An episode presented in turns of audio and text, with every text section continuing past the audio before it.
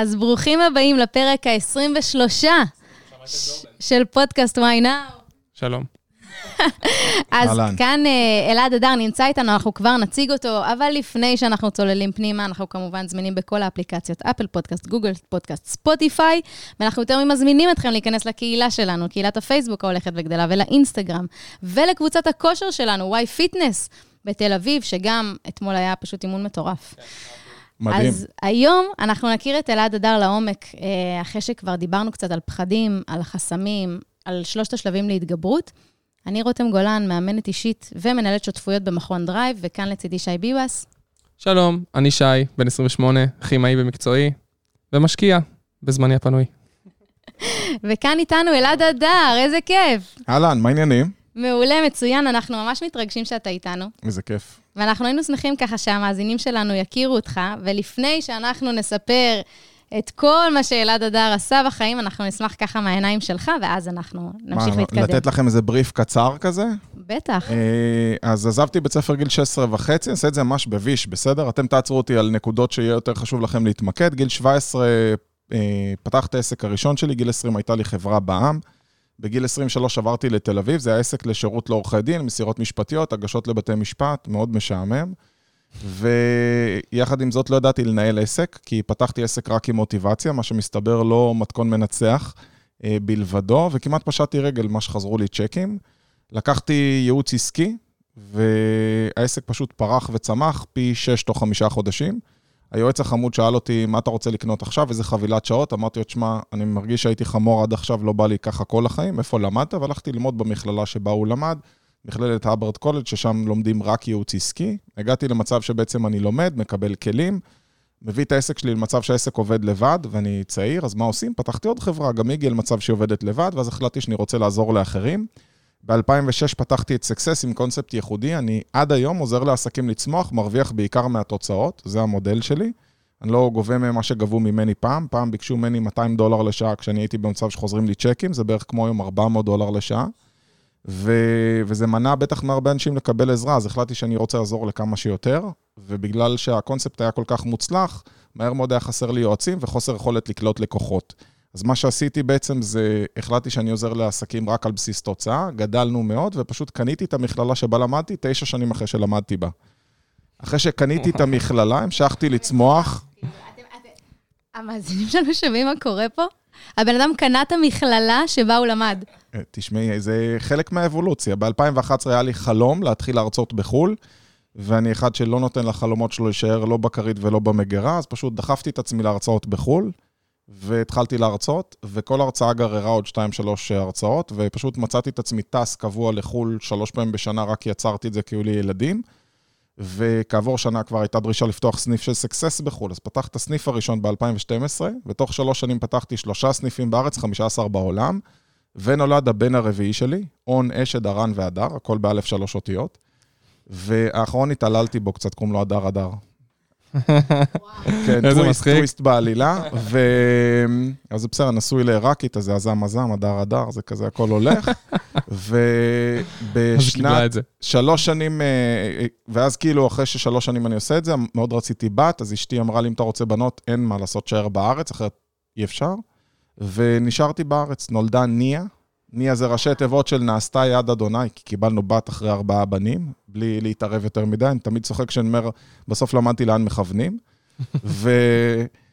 והגיעה הבת, וכשהבת גדלה, אמרתי, מה אני עושה עכשיו? כי כמו שהבנתם, אני משתעמם מאוד מהר, אני תמיד רוצה את הדבר הבא. פשוט הקמתי את הקניון לעסקים, שבניין של שבע קומות שאתם נמצאים בו כרגע, נקרא Success Center, שלוש קומות חניון, ובעצם מה שאנחנו עושים פה זה אה, סוג של נטוורקינג בין עסקים, אני נותן שירות למאות עסקים בחודש, ואמרתי, איזה מגניב זה יהיה שלקוח שלי יכול, שיש לו גרפיקאי לידו, ועורך וידאו לידו, ואולי נעשה לו גם סטודיו לצילום, וחדר פודקאסטים, וחדר הרצאות, וכיתות באותו בניין, והכל פה, הוא נכנס, הוא לא צריך לצאת מהבניין, יש כאן את כל השירותים, זה מה שעשיתי.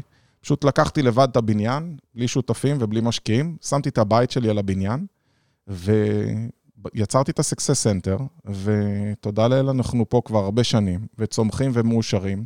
כל הזמן מגייסים עוד יועצים ורק גדלים בקצב, תודה לאל, ממש ממש טוב. ועד היום הבעיה העיקרית שיש לנו זה היכולת שלנו להדביק את הקצב, לקלוט מספיק עובדים כדי לתת שירות ללקוחות. אני יכול להגיד לכם בגאווה שכבר הרבה זמן אין לנו שום תקציב פרסום ושום קמפיין פרסומי באוויר. אני תמיד רואה את המנטורים האלה של ממומן, ממומן, ממומן.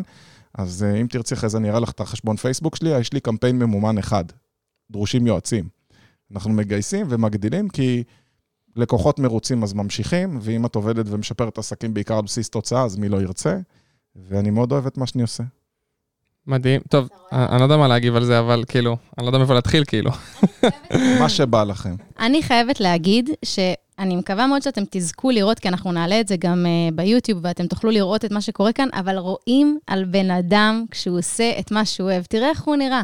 הבן אדם זוהר, מדבר באנרגיה, לא, את, אתם לא יודעים גם מה השעה עכשיו כשאנחנו מקליטים את זה, אבל השעה שש בערב, והבן אדם לא מסתכל בשעון, לא מעניין אותו ללכת, והוא מדבר באנרגיה ובתשוקה, ואני באמת חושבת שאם אתה לא נמצא בתשוקה שלך ובלמה שלך, אי אפשר להצליח. לגמרי.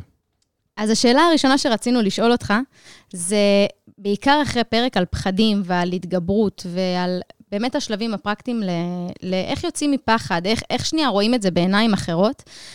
איך עזבת בית ספר, לא הלכת במסלול, לא עשית את הדברים שכל החברים שלך עשו, מה היה שם עם ההורים שלך, איך עשית את כל זה? וואו, מאיפה להתחיל?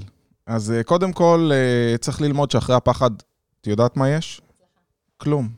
אין כלום, זה, זה רק הפחדים שלנו, זה אצלנו, אין שם כלום, פשוט תעשה ומקסימום זה יצליח. כאילו, אין הרבה אחרי הפחד. את יודעת, יש מלא משפטי מנטרה כאלה, פחד זה דחף, אם אתה הופך את זה, פשוט תעשה. אה, אני לא סתם אומר שבשביל להצליח בעסקים, ולא כל אחד בנוי לעסקים, לא מספיק מוח, צריך גם ביצים, או ביציות. אבל צריך משהו. אבל אנחנו צריכים משהו, כי רוב האנשים פשוט מפחדים. אז אם אתה מפחד, אז אתה לא בנוי לזה, כי עצמאי זה, זה לקום למלחמה. זו מלחמה עכשיו על גיוס עובדים, זו מלחמה עכשיו בבנק, זו מלחמה עם, אה, לא יודע מה, עם אשתך שרוצה שתהיה יותר מוקדם בבית, או עם הבעל שלך שרוצה שתשקיעי יותר. עצמאי זה משחק גדול, ולא כל אחד בא לו משחק גדול. כאילו, לא כל אחד בא לו את הדבר הזה, את האחריות הזאת, וזה בסדר, תודה לאל שיש גם אנשים שלא רוצים, אחרת מי היה עובד אצל העצמאים. כאילו, בסוף צריך גם אנשים שיעבדו. לא כל אחד זה מתאים לו, וזה ממש בסדר. עכשיו, איך ההורים שלי קיבלו את זה? רע מאוד. אה, אבא פולני, אמא הונגריה, אח שלומד עתודאי אה, קצונה בצבא, אח שני לומד וטרינריה, ואני הכבשה השחורה שמביישת את המשפחה ועוזבת בית ספר. איך יגידו לשכנים שהילד לא הולך יותר לבית ספר? אה, זה היה ברמה כזאת שאח שלי הלך אחריי בבית והיה צועק לי, תרים את הפח, תוריד את הפח כל פעם שהוא רואה אותי, כי הוא אומר לי, אתה תהיה פועל זבל, זה מה שיצא ממך. ואימא שלי, שהייתה גוזרת לי מודעות מהעיתון ומראה לי שאפילו טכנאי בבזק צריך 12 שנות לימוד ולא יקבלו אותי אפילו להיות טכנאי. וסביבה תומכת זה לא היה, אבל את יודעת, אני חושב שבחיים או שאתה עשוי מזכוכית או שאתה עשוי מפלדה. זכוכית, אתה מכה אותה פעם אחת, היא מתנפצת לרסיסים, אתה מתחבא בשמיכה, בוכה לכרית ונגמר הסיפור. ואת יודעת, חרב של סמוראי, מקפלים אותה אלף פעם ומכים אותה והיא נהיית חזקה יותר, אז תחליט מי אתה. אני בחרתי כנראה בדרך השנייה, ולהגיד לך שעד היום אני לא חוטף מכות, יש כל יום, כל יום אתגרים חדשים, אני פשוט מתייחס לזה כמו אל פרוט נינג'ה כזה, זה משחק.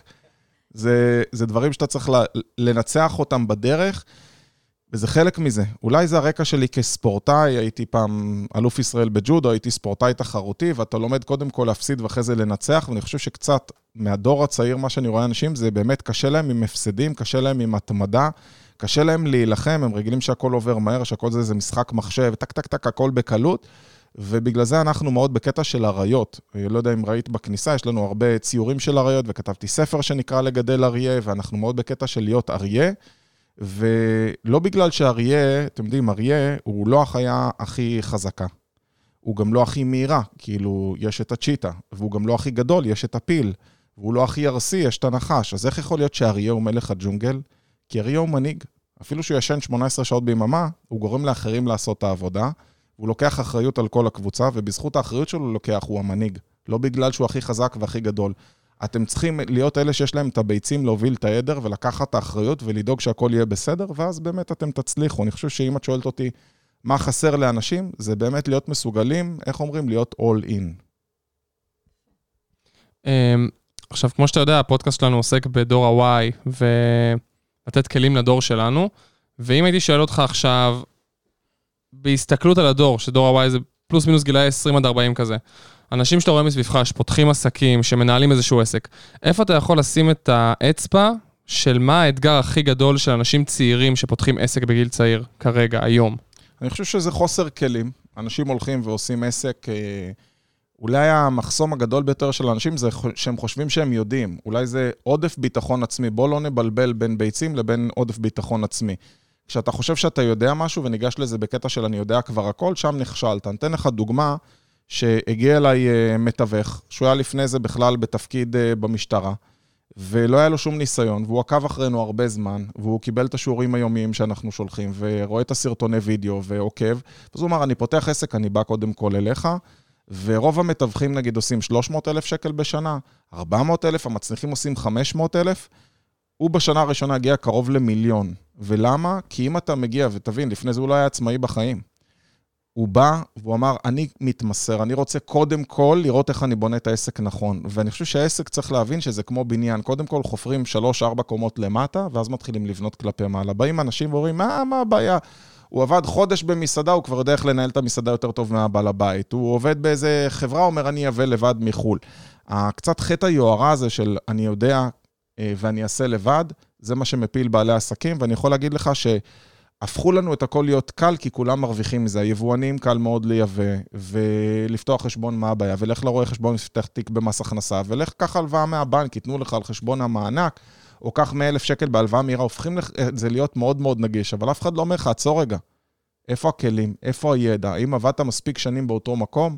אתה יודע, סבא שלי, זיכרונו לברכה, אה, בשביל ללמוד מקצוע, אימא שלו בהונגריה שילמה כסף לסנדלר באותה עיר במשך שנה כדי שהוא יעבוד אצלו וילמד את המקצוע. אנחנו רואים אנשים שהוא בא, ושני חבר'ה ישבו על הספה, שתו בירה, פתאום היה להם רעיון ממש טוב לעסק, ויאללה, בוא נפתח. איפה התוכנית? איפה התוכנית העסקית? איפה כמה הון אתה צריך? איפה התוכנית שיווק? איזה ניסיון יש לך בתחום? אתה יודע, באים אליי אנשים לפעמים רעיונות הזויים, וכן, אני פוגש גם אנשים כאלה. אתמול הייתה אצלי מישהי שפשוט אחרי כמה דקות הורדתי אותה מהרעיון של העסק, אמרתי, את בכלל לא צריכה להיות עצמאית, את לא מתאימה, עזבי אותך. כאילו, לא כל אחד מתאים לזה. לפעמים שאתה בא עם איזה רצון להיות עצמאי ומישהו ככה מוריד אותך, אבל לפעמים צריך להגיד את ה... אתה יודע מה, אני מעדיף להיות הבן אדם הרע ולהיזכר לטובה לכל החיים, מאשר להיות זה שמלטף אותה, או זה שגרוע מכך מוכר לה משהו שהיא לא הייתה צריכה. מכניס אותה לחובות ולברוך ששנים ייקח לה לצאת אם בכלל. חד משמעית. בדיוק מה שבאתי להגיד, זה מראה כמה אתה אמיתי. כמה אתה כנה לסיטואציה וכמה לאינטגריטי הפנימי והיושרה שלך. אני יכול להראות לך בטלפון שלי, עוד מישהו פנה אליי היום, ופשוט אמרתי לו שזה לא מתאים, והוא לא צריך את זה, ושיעשה משהו אחר. כאילו, אני חושב שברגע שאתה נמצא במקום מבחינת uh, תודעת שפע, שאתה לא צריך כל לקוח ואתה מוכן לתת באמת לפי היושרה שלך, אתה תעשה מספיק כסף, אתה לא צריך פרסום. לעומת זאת, אתה, כשאתה מנסה מאוד לדחוף לכל אחד ושכל אחד יקנה את המוצר שלך, לא יישאר לך את הכסף. דיברנו על זה ב-why now, האמת, אני חייב לומר לך שכשפתחנו את הקהילה ואת הדבר הזה, אז התחלנו לחשוב, טוב, איך אנחנו מגיעים ליותר אנשים בדור שלנו? אנחנו מפרסמים אולי בממומן, אנחנו עושים איזה פרסומת פה, פרסומת שם, ואז ישבתי עם רותם ואמרתי לה, אם אנחנו נהיה טובים, אנשים יבואו מפה לאוזן כי אנחנו טובים וכי אנחנו נותנים ערך. וזו מבחינתי הצלחה שלנו, זה שאנשים יבואו מפה לאוזן. בגלל זה נורא התחברתי למה שאמרת, של כל הממומן ממומן. אתה אומר, אני, אם אני טוב, אנשים יבואו. אני לא נכון. צריך לש... לפרסם את עצמי בשום מקום. לגמרי. אני נורא מתחבר זה לא לזה. זה לא שאני אומר שלא צריך בכלל פרסום, יש עסקים, בטח בתחילת הדרך, שצריכים לשים בהתחלה את האנרגיה שהעסק יתחיל להתגלגל קדימה, אבל אם אתה עושה עבודה טובה, הלקוח צריך לרצות להמשיך, לשאול מה יש לך עוד לקנות, להביא את החברים שלו, הוא היה טוב, הוא ירצה שכולם יהיו אצלך. לגמרי. היום היה אצלי לקוח, שהוא כבר, לא רק שהוא מפנה אליי, אתה יודע מה, תראה משהו יפה. הוא מכיר אותי באופן אישי, אבל הוא לא רצה את השירות שלי, הוא לא היה צריך אותו. הוא הפנה אליי את אבא שלו, אבא שלו קנה שירות, אחרי שלושה חודשים הוא בא וקנה שירות, וכשהוא יצא מפה היום, הוא כבר שלח לקוח שהגיע אליו ואמר לו, אתה חייב עכשיו לנסוע לאלעד, והלקוח הגיע אליו מיד במונית ממנו אליי, הוא ברחוב הארבעה לא רחוק מפה, והוא שלח לפה את הלקוח. מי צריך שיווק כשהעבודה שלך עושה את היחסי ציבור? תן עבודה טובה, תן תוצר טוב, העבודה שלך תעשה את שלה. מטורף. זה, זה לדעתי טיפ מעולה לכל מי שנמצא עכשיו ומאזין, וחושב על רעיון, וחושב על אה, איזשהו עסק, או מה הלמה שלי, או מה אני רוצה לעשות בעתיד, אני חושבת שזה טיפ מצוין. מעולה. הייתי רוצה לשאול אותך, אה, ולשים דווקא ספוט נקודתי, על מה שאתה אמרת אה, ברגע שהסביבה לא תמכה. שם. אני אני, אנחנו פשוט נתקלים בקהילה שלנו בהרבה חבר'ה ששואלים שאלות כמו, מה עושים כשההורים שלי לא תומכים בלשים השקעה גדולה לנדל"ן, או מה עושים כשההורים שלי לא תומכים בזה שאני לא אעשה תואר, ומה עושים כשצוחקים עליי, ובדיוק מה שאמרת עכשיו עם אח שלך, שבעיניי זו סיטואציה לא פשוטה בכלל. אה, לכל אחד, לא משנה גם אם אתה יותר צעיר, יותר מבוגר, וזה גיל מאוד קריטי. אנחנו כל הזמן אומרים בפודקאסט שהשנים האלו הן שנים מאוד מעצבות. אה, בדרך אני כלל. למדתי במהלך הזמן שכל מי שסביבי תמיד רצה בטובתי. זאת אומרת, לא היו סביבי אנשים שאמרו לי לא ממקום רע, אלא אמרו את נכון. המקום הלא מהמקום של החרדות והפחדים האישיים שלהם. מהמקום שהם ניסו ונכשלו, מהמקום שהם פחדו לעשות את זה בעצמם. אני אומר, תלכו ותקבלו עצות ממי שהצליח במה שאתם רוצים להצליח. אני אחזור על זה שוב, תלכו לי לקחת עצות ממי שהצליח במה שאתם רוצים להצליח. איך יכול להיות שאבא שלי, שפחד להיות עצמאי כל חייו, הוא זה שברור שהוא יגיד לי שהוא מפחד שאני אהיה עצמאי. או אבא שלי, אם הוא היה עצמאי קטן ועבד לבד כל חייו בעצמו, זה הגיוני שהוא לא ייעץ לפתוח חברה גדולה ולקחת התחייבויות, כי הרי זה מה שהניע אותו להישאר קטן כל החיים. הוא אמר, לא טוב, התחייבויות ועובדים זה הדבר הכי רע. אז ברור שזה מה שהוא יניע. בסוף הדבר הכי חשוב זה השלמות האישית שלנו. אני עשיתי טעויות בחיים, אבל כולם היו שלי ובגלל זה אני מאושר. זאת אומרת, אין בעיה, אתם תעשו טעויות בדרך. מי שחושב שלא יהיה לו טעויות, וואלה, תשאר בבית, תסתכל נטפליקס, שם הסיכוי שלך לטעות לא גדול. אבל אם אתה הולך להיות עצמאי, תתכונן לעשות טעויות וזה יהיה בסדר, תלמד מהם. כאילו, אתה לא נכשלת עד שלא הפסקת. כאילו, אתה החלטת להיות עצמאי, לך תצליח, תעשה טעויות, תקום, תיפול, תקום, תיפול. ואם כבר הזכרנו את אבא שלי, אז אחד הדברים שאבא שלי לימד אותי זה באליפות הג'ודו הראשונה שלי בגיל 7, הייתי בטוח, אני הבן של יורם הדר, שהוא מאמן ג'ודו, ואני הולך להתחרות, אני בטוח לוקח את אליפות נס ציונה, בן שבע, כן? קרב ראשון, נפלתי, כמובן נפגע לי יותר האגו מהמכה, ירדתי בוכה מהמזרון והצהרתי לכל העולם שזהו, אני פורש בגיל שבע, שהקריירה שלי בג'ודו נגמרה. זה ענפה. כן, אני. אני מחליט לפרוש, ואז אבא שלי חיבק אותי ואמר לי שאי אפשר לנצח בלי להפסיד. אתה לא יכול. ואני אומר את זה לבעלי עסקים שרוצים לפתוח עסקים. אתם לא מוכנים להפסיד 100 אלף, לא תרוויחו מיליון. אין מה לעשות, זה חלק מהשכר לימוד. לא כל עובד שתגייס יהיה טוב. מישהו. מתחיל משפט ב... מי מבטיח לי? אני אומר, עצור, עצור, עצור, אחי, אתה לא מתאים. מה זה מי מבטיח לי? מישהו מבטיח לך אם תגייס עובד שתצליח? מישהו מבטיח לך שלא תהיה קורונה? מישהו מבטיח לך משהו? אני מבטיח לך שזה יהיה הרבה עבודה קשה והרבה ניסוי וטעייה, אבל אני מבטיח לך שאם תתמיד, בסוף אתה תצ- תצליח יותר ממה שאתה מצליח כרגע. זה חלק מהמשחק. ומה לדעתך, מה הם שלושת הטיפים כשקשה ונופלים? כי שם, כמו שאמרת, מרבית האנשים יכולים גם לא לקום אחר קודם כך כל בכלל. תלמד את הלקח, אוקיי. בסדר? חשוב גם לומר שבמיוחד בדור שלנו, כי אנחנו דור מאוד שרוצה הכל כאן ועכשיו, ואנחנו גם מדברים על זה הרבה פעמים שאנחנו עושים אה, פרקים שקשורים בהשקעות. כשאנחנו מדברים על השקעות לפעמים, יש השקעות שלוקח להם זמן כדי להתחיל לראות רווחים. נכון. אנחנו דור ששם את הכסף, פתאום מחר פותח, טוב, מתי אני אשיר? מה קורה? מה קורה עם הכסף שלי? טוב, לא, אני כבר לא אשיר אחרי יומיים שלושה, יאללה, בוא, בוא נוציא את הכסף, נעבור הלאה. אנחנו דור שרוצה הכל כאן ועכשיו, רוצה לראות את הרווחים, רוצה לראות את הזה, ו- ולפתוח עסק, כמו שאתה אומר, זה אחד הדברים שזה לא מחר תראה את ה... תגזור, ת- תקצור את הפירות. אז אחד הדברים שאני אומר שהם הכי חשובים להצלחה זה התמדה. ואני חושב שזה משהו שחסר להרבה אנשים, ואמרתי קודם שזה אה, כישלון, זה רק כשאתה מפסיק לנסות. פשוט צריך להתמיד, ולשאלתך, מה לעשות כשאתה נופל? אז קודם כל תלמד את הלקח, כי אני חושב שברגע שאתה מבין איך אתה יכול לעשות את זה יותר טוב, קל לך יותר לקום, כי אתה אומר, אוקיי, אני הולך לנסות שוב, אבל למדתי מה לא לעשות. הדבר השני זה להקיף את עצמך בסביבה תומכת. זה יכול להיות חבר טוב שאתה הולך איתו, זה יכול להיות advisory board של חברים שמייעצים לך מה לעשות, זה יכול להיות בן או בת זוג, זה יכול להיות הורה, וזה יכול להיות איזה סוג של מנטור. אה, ואני תמיד ממליץ לקחת עזרה מקצועית. מישהו שזה המקצוע שלו, שיש לו ניסיון בתחום שלך. יכול להיות שהיועץ הוא לא יהיה יועץ עסקי, אלא מישהו, אם אתה הולך לעשות השקעות בנדל"ן, אז תיקח מישהו שכבר הצליח בנדל"ן, תשלם לו כיועץ, שיהיה המנטור שלך. אם אתה הולך להשקיע בקריפטו קרנסי, לך תיקח מישהו שהוא מצליח בקריפטו קרנסי, שיש לו סטטיסטיקות. רוב האנשים היום קונים בלופים באינטרנט. רואים את הבן אדם שנוהג במכונית הפתוחה ועומד על הבמות ועושה צילומים מאוד יפים, ואת לא יודעת שהוא בכלל הכניס את כל האנשים בחינם לאולם, או מכר כרטיס ב-39 שקל. את צריכה למצוא את זה שלא מפרסם בשום מקום, כי הוא לא רוצה ללמד אף אחד את מה שהוא עושה, ואת צריכה למצוא את זה שמצליח, ולהגיד לו, אני רוצה להיות השוליה שלך, מה אני צריכה לעשות בשביל לעבוד איתך, איך אני יכולה לעזור לך, כי שם תלמדי הכי טוב, או לקחת יועץ שעזר לאחרים להצליח. אבל גם שם, קח מישהו שהצליח בעצמו. אני רואה אנשים, היום הייתי באיזה ארגון, שנמצא בקושי אדיר, עסק שמפסיד 200 אלף שקל בחודש, בסדר? זה לא קל בכלל, מפסיד 200 אלף שקל בחודש, כאילו זה ברמה כזאת שהוא... הוא בן אדם מבוגר, והוא נעזר בחמותו בת ה-70 שתעביר לו כסף כל חודש, ולה אין. כאילו, היא בעצמה, יש לה קשת יום ואת כל החסכונות שלה. מקרה מזעזע. קחו עזרה, אין מה לעשות. אנחנו לא יכולים לחשוב שאנחנו יודעים את הכל, והחוכמה זה לדעת מה אתה יודע ומה אתה לא יודע, ובסופו של דבר אפשר לעזור לו. אפשר לעזור לכל אחד, אבל לא צריך לחכות להיכנס לבעיות, עדיף להתחיל הכל כמו שצריך מההתחלה. והטיפ שלך לדור שלנו, מי ששומע אותנו וחושב ככה מה לעשות ואיך להתחיל, זה בעצם מלכתחילה לבנות תוכנית עוד לפני שהתחלתי לעשות את הצעדים הראשונים? את ההשקעה הראשונה תשקיעו בתוכנית עסקית, ותעשו לי טובה, לא אצל סטודנט, אה, לא שיש לי משהו נגד סטודנטים, אני רוצה להסביר משהו. כשבא סטודנט לכתוב תוכנית עסקית, גם את יכולה להוריד מהאינטרנט כרגע מודל של תוכנית עסקית ולמלא את החללים. יועץ עסקי, טוב, עם ניסיון, ייקח ויפתח את זה. הוא ייקח והוא ייתן לך דוגמאות שונות. הוא ייקח וידע להראות לך איפה הנקודות חולשה שלך, ואיפה המתח שיכול לעלות ולרדת, ומה הסיכונים שאת נתקלת בהם.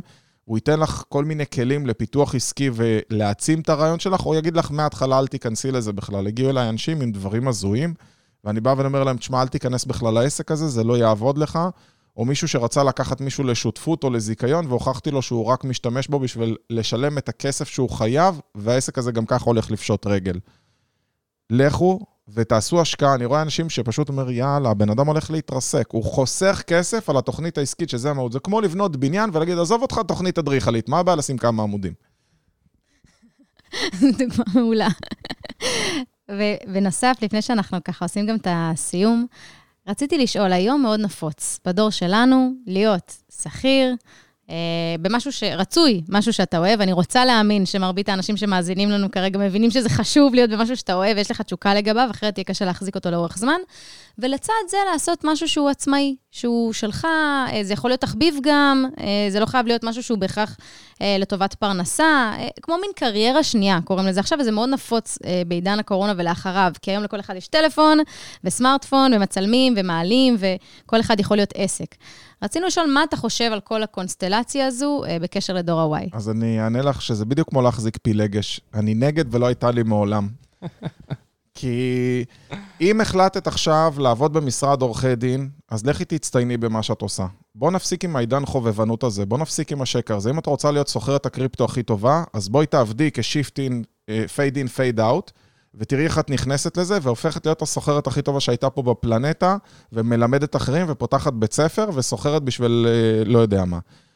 אבל את לא יכולה להגיד, אני, אלא אם כן זה לעצמך, בסדר? אבל אני מדבר על זה שאם בן אדם מחליט להיות גרפיקאי, נגיד, והוא יכול להתחיל את זה בשעות אחר הצהריים, תוך כדי שהוא עובד במשהו אחר בתור שומר בקניון. אבל אם השאיפה שלך היא להיות גרפיקאי, אז בוא תבנה תוכנית איך אתה הופך להיות סטודיו, ואיך יהיה לך עובדים.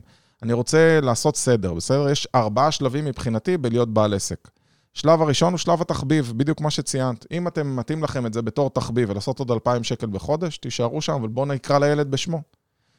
השלב הבא זה נקרא עיסוק. עיסוק זה שאת גרפיקאי ואת עובדת לבד, עושה את ה-16,000 שקל בחודש, משלמת את המיסים, נשאר בערך משכורת כמו שכירה, אבל את אחראית ללו"ז של עצמך. בסדר? עובדת ליד המכונת כביסה בבית. השלב הבא נקרא עסק. השלב של עסק זה שלב שאת כבר מעסיקה עובדים, אבל את חייבת להיות בעסק בשביל שהעסק יעבוד. אם את לא שם, העסק לא עובד. והשלב האחרון הוא שלב החברה. השלב שבו בעל עסק, בין אם הוא נמצא או בין אם לא, העסק ממשיך לעבוד, לייצר, לגדול, לצמוח, מייצר הכנסה, ואז בנית עסק. זה נכס אמיתי. מה שמדברים כולם על חופש כלכלי, יש לי המון מה להגיד על השקר הזה שמוכרים לאנשים, בוא תעשה drop shipping, ובוא תעשה affiliate marketing, ובוא תעשה, שלרוב מי שמרוויח שם זה זה שמכר את הקורס. בוא, אני לא מכיר הרבה שבאמת הצליחו בזה. אני בא ואני אומר, אם אתם רוצים והחלטתם עכשיו לפתוח עסק, אז בוא נקרא לילד בשמו ותפתחו באמת עסק. תעשה את זה כמו שצריך מההתחלה, בוא, תהיה all in, לא לנסות, אין לנסות. פעם ניסית לעשות דיאטה?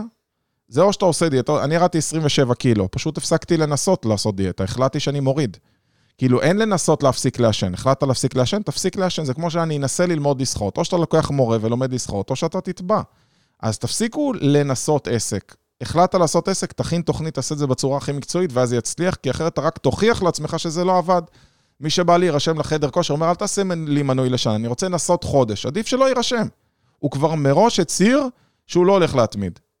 זה, זה משהו שאני מה זה מתחבר אליו, כי, כי הלנסות הזה, זה כמו שאומרים לי, אני אשתדל לשים לב. כן. זה אומר שהוא לא שם לב. הוא משאיר לעצמו פתח לכישלון, הוא אומר, טוב, מה אתה רוצה? השתדלתי, והשתדלתי, לא יצא.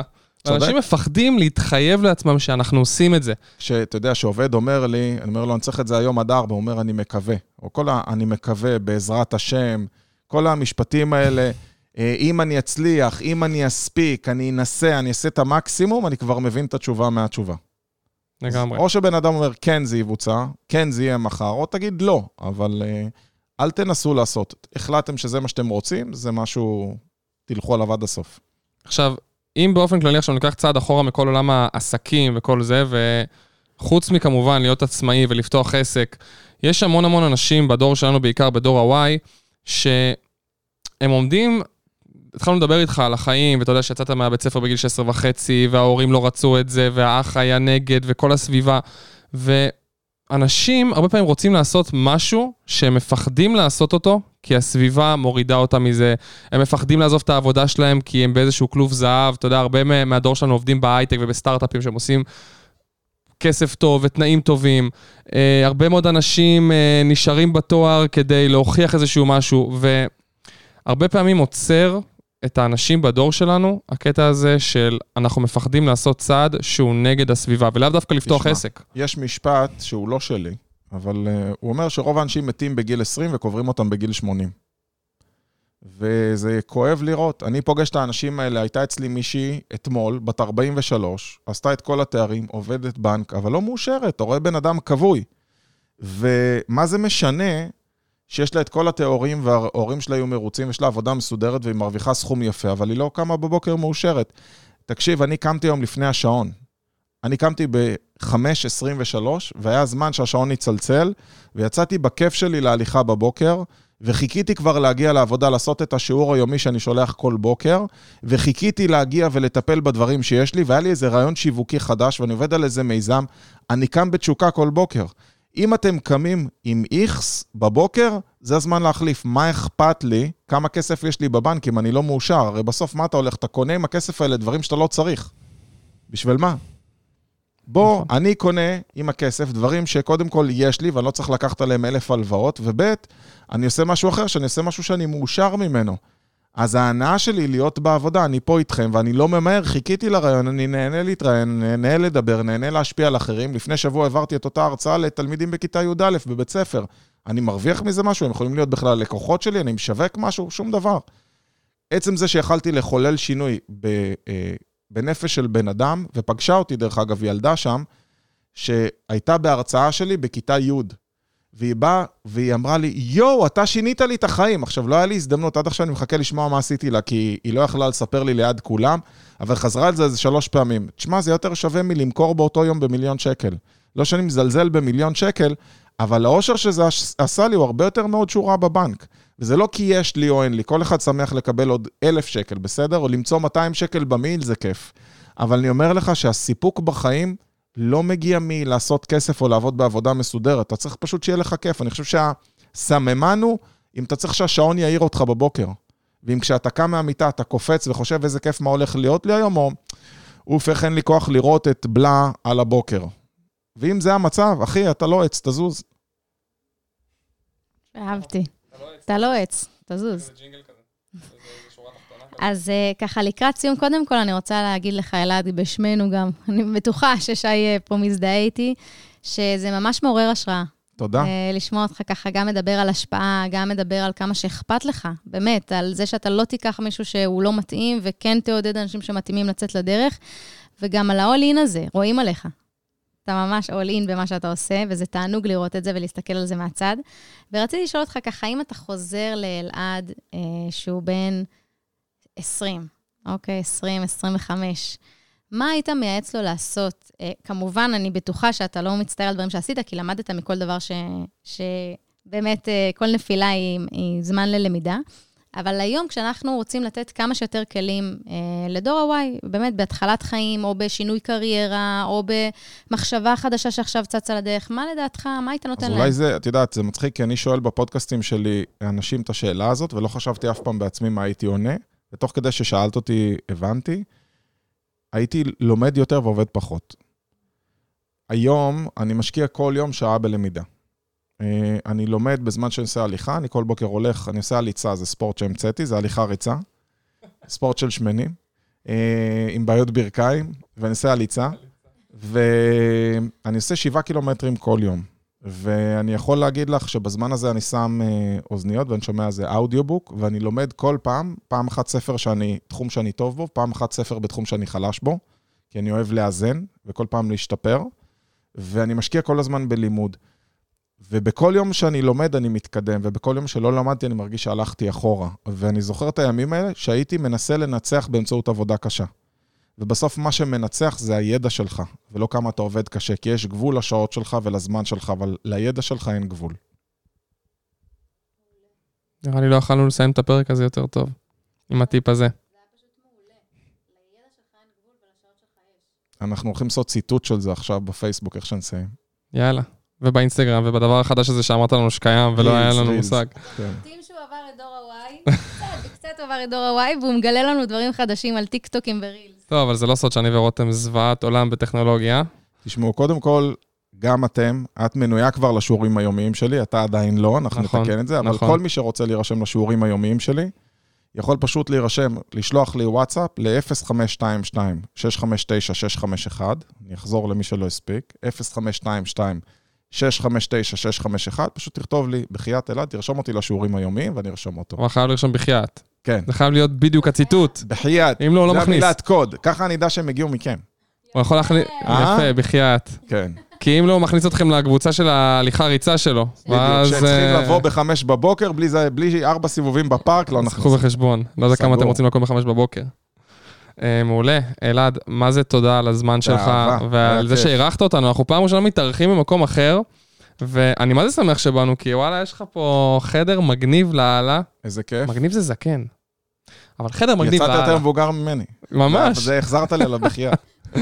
אבל ממש ממש מגניב, ותודה רבה לך על הזמן. ועל הכלים שאתה נותן לדור שלנו, ואנחנו בטוחים שמי שמאזין לנו עכשיו יפיק המון ערך מה, מה, מהפרק הזה. אז בשם שנינו, תודה רבה רבה, וזהו, רוצה לסיים? וסגירה שלנו ככה על הפרק, אנחנו נתראה בפרק הבא. בפרק הבא נדבר על...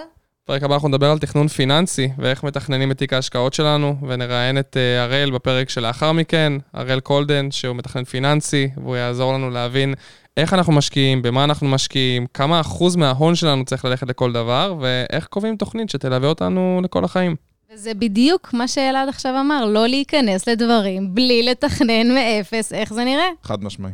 אז זה ממש אותו דבר, וזה זה הקטע שאנחנו מדברים עליו, גם כמה העולם האישי, התפתחות אישית, מנטלית וכלכלית, כמה היא זהה בסוף בבס- בבסיסה, בעקרונות.